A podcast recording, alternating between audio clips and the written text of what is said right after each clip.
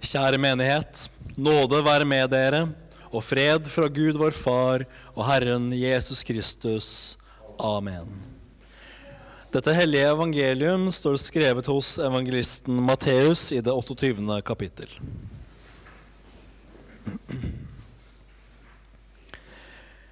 Men de elleve disiplene dro til Galilea, til fjellet hvor Jesus hadde satt dem stevne. Og da de fikk se ham, falt de ned og tilba ham. Men noen tvilte. Og Jesus trådte fram, talte til dem og sa, Meg er gitt all makt i himmel og på jord. Gå derfor ut og gjør alle folkeslag til disipler idet dere døper dem til Faderens og Sønnens og Den hellige ånds navn, og lærer dem å holde alt det jeg har befalt dere. Og se, jeg er med dere alle dager inntil verdens ende. Slik lyder det hellige evangelium. Hellige Far, hellige oss i sannheten. Ditt ord er sannhet. Amen.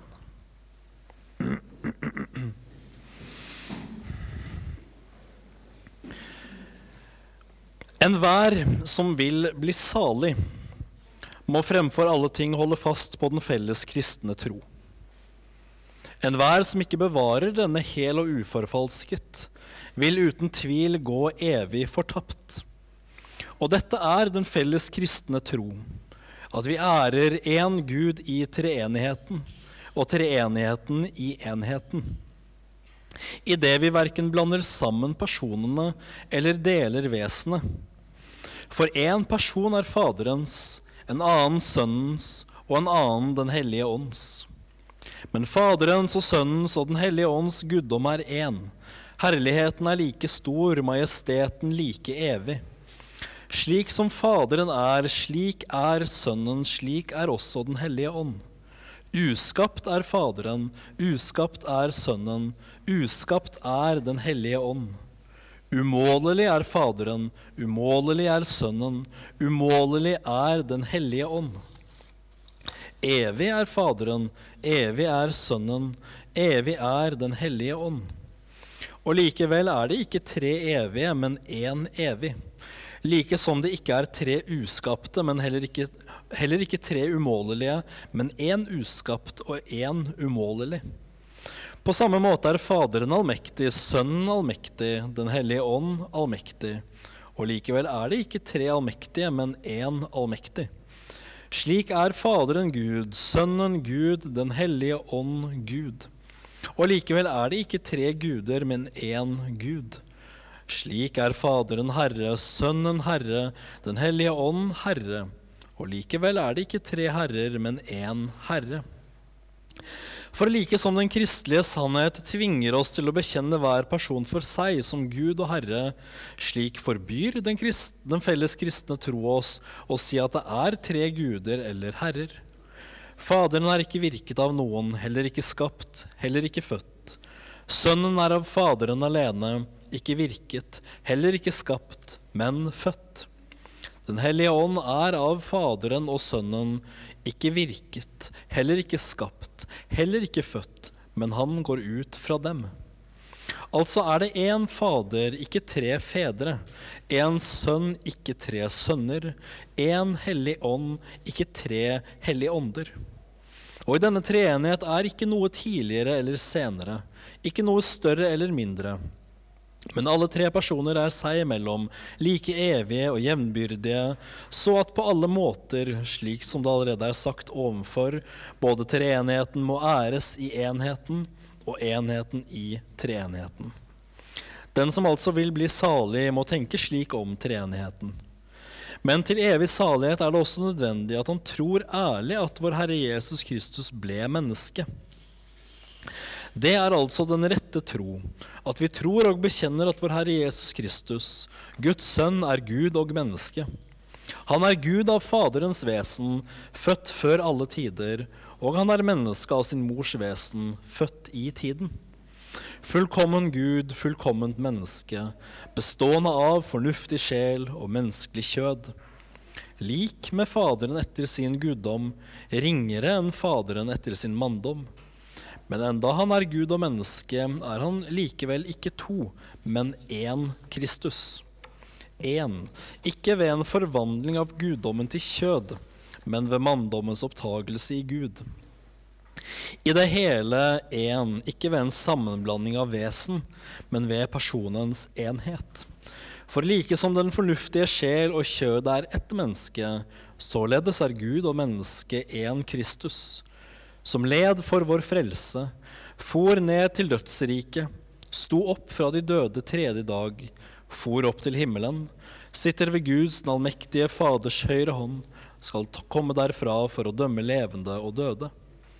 Og når han kommer, må alle mennesker stå opp igjen med sine legemer og gjøre regnskap for sine gjerninger. Og de som har gjort godt, skal gå inn til det evige liv, men de som har gjort ondt, til den evige ild. Dette er den felles kristne tro.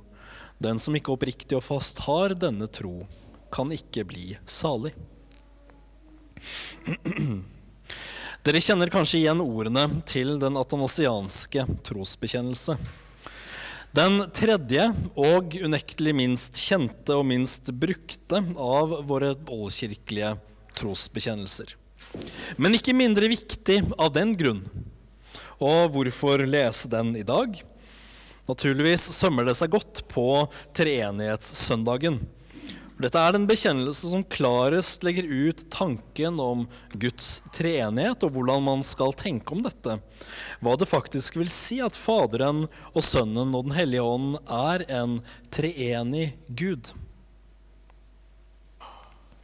Dette er ikke fri fantasi og diktning, som noen vil ha det til.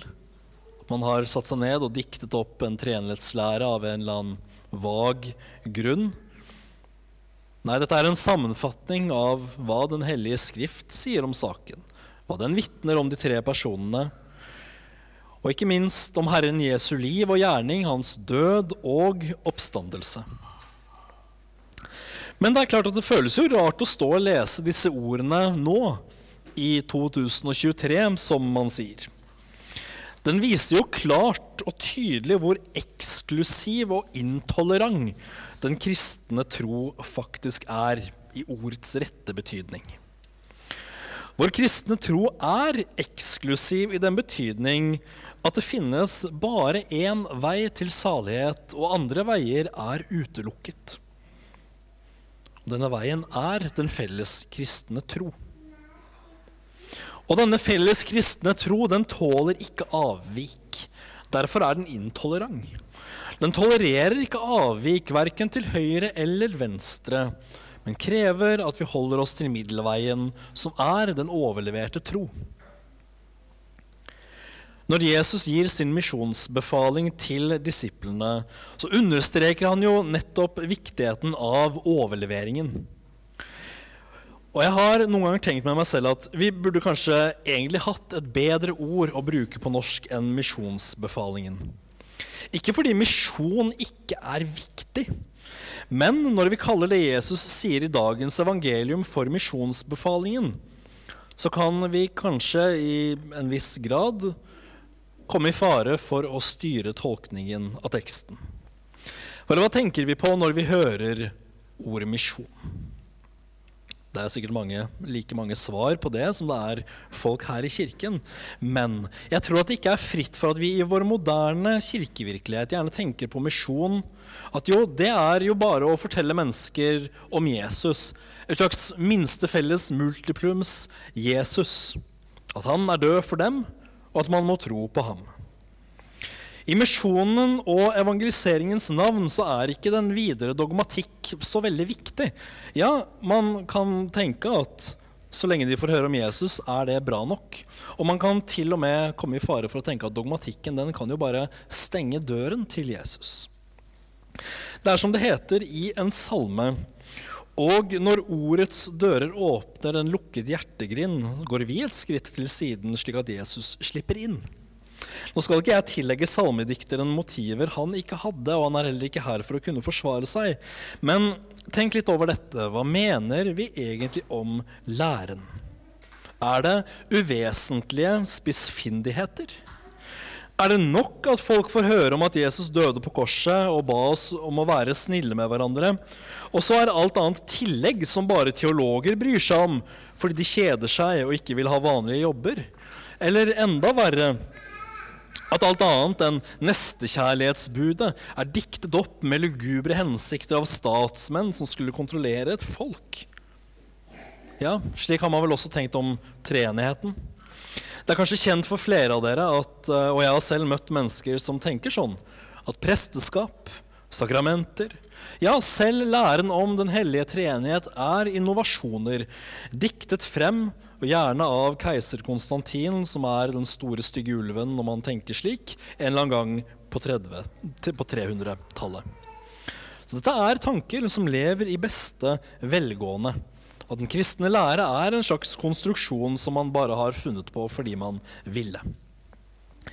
Men overleveringen er altså ikke uvesentlig. Den hellige skrift kom ikke dalende ned fra himmelen, men ble ført i pennen av hellige menn, patriarker, profeter og apostler, som selv var vitne til Guds storverk, og Den hellige ånds hjelp har brakt dette videre til oss. Vår tro er i aller høyeste grad apostolisk. I den betydning at den er oss overlevert av apostlene, som selv var øyenvitner til det Jesus sa og gjorde. Gjør alle folkeslag til disipler. Dette var det store oppdraget som apostlene fikk. Og kanskje det er et bedre ord enn misjonsbefalingen, der det på engelsk jo allerede, allerede heter The Great Commission. Kanskje vi på denne måten kan gå fri fra den moderne tanke om at misjon bare er en framlegging av evangeliet på den absolutt enkleste måten vi kan tenke oss, fri for såkalte uvesentlige dogmer. Men vi må tilbake til tanken om at måten disipler skapes på, er ved å døpe og lære mennesker opp i den felles kristne tro. Ja, vi skal gjøre oss vel å merke at det ikke er tre separate ting vi skal gjøre gjøre folkeslag til disipler, døpe og lære. Nei, ett er oppdraget, og det er å gjøre folk til disipler. Og måten dette gjøres på, er tofoldig. Vi skal døpe, og vi skal lære. Slik, og bare slik, skapes disipler. Skal vi være virkelig bibeltro, så må vi holde oss til dette, for her har vi Jesu egne ord på hvordan disipler skapes. De skal døpes til Faderens og Sønnens og Den hellige ånds navn, og de skal læres opp i alt det Jesus har befalt sine apostler, altså den felles kristne tro. Og denne dåp og denne tro er kilden til alt vårt håp, grunnlaget for all vår kristendom. Uten dette så har vi ikke den rette sjelefred. Vi har ikke syndenes forlatelse. Nei, vi har sannelig ikke frelsen i det hele tatt. For det er kun i den sanne kristne tro at dette finnes. Hvilken trøst og fred det er i dåpen, som Jesus selv har befalt oss at vi skal døpes med. Ja, at Jesus har befalt oss at vi skal døpes. Det viser oss at dette er så mye mer enn menneskepåfunn. Når jeg ser tilbake og tenker på min dåp som fant sted for over 30 år siden, så trenger ikke jeg å tenke på om jeg var oppriktig nok, om hjertet mitt var på det rette sted, eller noen sånne ting. Jeg var for liten til å kunne bry meg på noen måte om det. Vi døpes til den treenige Guds navn, på Herren Jesu befaling, og i dåpen forenes vi med Jesus selv og fødes på, nytt, fødes på nytt til liv med ham. Det er et virkelig og fast grunnlag for alt disippelskap. Og disippelskap som søker noe utenfor livet i dåpen, kan fort bare bli svermeri og jag etter den, falske, etter den ene falske trygghet etter den andre. Luther utbroderer jo som kjent dette ved å si at livet i dåpen handler om at den gamle Adam skal druknes med daglig anger og omvendelse, og et nytt troens menneske står opp. Dette er dåpens store mysterium og gave. At i dåpens løfter så har vi selve evangeliet. Vi eier det der, og vi kan gripe det. Syndens forlatelse, frelse fra synd, død og djevel. Et evig liv. Ja, dette er vel det sanne disippelliv. den som i troen på Jesus har trøst i sin dåp. Det er så fort at vi tenker at evangeliet er en engangshendelse. At vi tok det imot én gang i tro, og når det er skjedd, da begynner det virkelige kristenlivet. Og vi kommer i fare for å se på disippellivet som en progressiv helliggjørelsesvei, der vi stadig blir litt likere Kristus. Jo likere vi blir, jo mer fornøyde blir vi, og jo mer disippelgjorte er vi. Men for en byrde vi risikerer å legge på mennesker ved å tenke slik. Da må man vel fort ha både den ene og den andre av fromme og flotte gjerninger å vise til for å virkelig være trygg på at man er en disippel. Nei, i kirken så er det det rene og frie evangelium som må herske. Ved det, og bare det, blir mennesker salige. Og trofast, også, eh, og trofast, må vi også som kirke standhaftig holde oss til den overleverte lære. Den felles kristne tro. For her finner man evangeliet, og man finner også fylden av Jesu undervisning og apostelens vitnesbyrd og overlevering. Det er ikke slik at så lenge man forteller mennesker at Jesus har frelst dem, så er det fritt frem med alt annet. Nei, også etikken forplikter. Og da tenker vi vel ofte først på samlivet, det området som i størst grad er under angrep i vår tid. Og det er ikke uviktig. Jeg føler noen ganger at jeg har snakket meg nesten trøtt på det til samfunnets døve ører. Men det blir alltid viktigere, noe kanskje også denne junimåneden allerede har minnet oss på. For ekteskapet for én mann og én kvinne, det er den felles kristne tro. Og avvik den ene eller andre veien kan vi ikke tolerere og at man skal holde sammen og ikke skille seg, og at den naturlige seksualitet kun eksisterer innenfor denne ramme. Men vi må ikke glemme det andre heller. Vi skal ikke begjære, ikke baktale, ikke myrde med ord eller handling. Men heller ikke utenfor etikken er det fritt frem, som om forordninger om presteskap, hvem som skal være prester, eller hvordan Kirken benytter de hellige sakramenter, skulle være sidesaker oppfunnet i en senere tid, som jeg har tidligere har nevnt at noen tenker. Nei, også dette er en del av den overleverte lære, den kristne tro. Og det er på ingen måte fritt frem f.eks. For, for Den kristne kirke å sette kvinner inn i prestetjenesten eller komme med sin egen frie diktning om at sakramentene ikke har noen virkelig nytte for de troende. Nei, hele pakken hører til den overleverte tro. Den har vi fått fra apostlene som fikk den fra Jesus selv, og den er vi forpliktet på.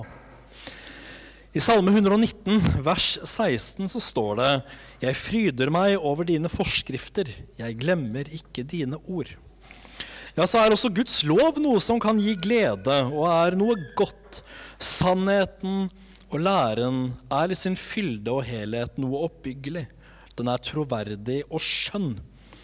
Og vi holder oss ikke til helheten i den kristne lære fordi vi syns det er gøy å være strenge og stenge andre ting ute. Vi tenker at dette her er den sanne vei og den store trøst for sjelen. Og alt dette får sin store viktighet av Jesu ord om at han har gitt all makt i himmelen og på jorden. Kirken er ikke noen forening som på menneskelig vis har kommet sammen om noe man syns er gøy, en felles interesse, funnet opp sitt eget grunnlag og samlet likesinnede. Nei, Kirken tilhører virkelig Kristus. Ved sin død, oppstandelse og himmelfart er Han gitt all makt i himmelen og på jorden og han er i sannhet kirkens herre. Nå ser vi at Kristus går inn i en ny del av sin frelsesgjerning. Fornedrelsen er over, og han tar sin rettmessige plass som kongenes konge. Og en dag skal alt legges under hans føtter. Dette peker også frem mot dommen, som den atanasianske trosbekjennelse avslutter med. Og de som gjorde godt, skal gå inn til det evige liv, men de som har gjort ondt, til den evige ild. Og dette kan vel ved første øyekast være til sterkt anstøt for den lutherske kirke.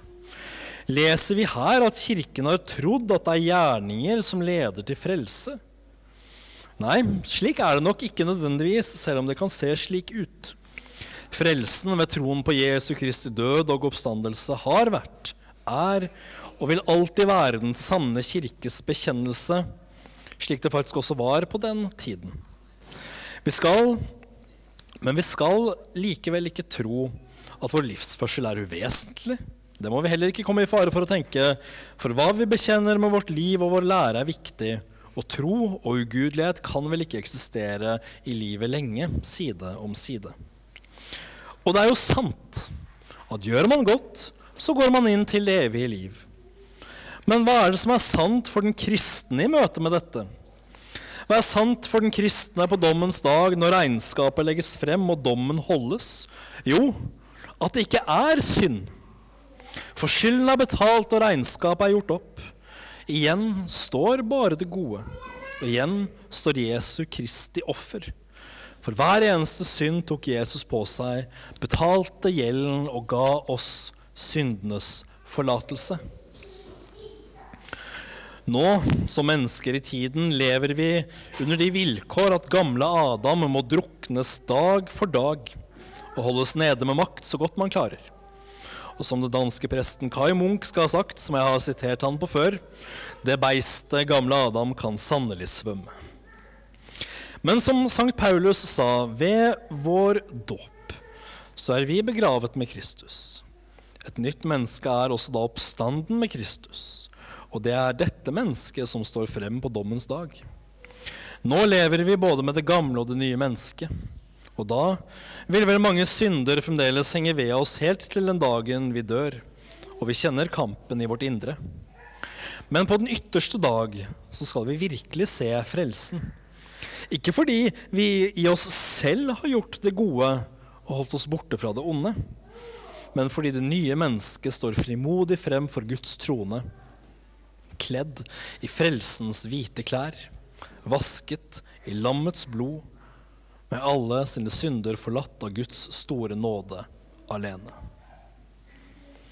Ære være Faderen og Sønnen og Den hellige ånd, som var, er og blir en sann Gud fra evighet og til evighet. Amen.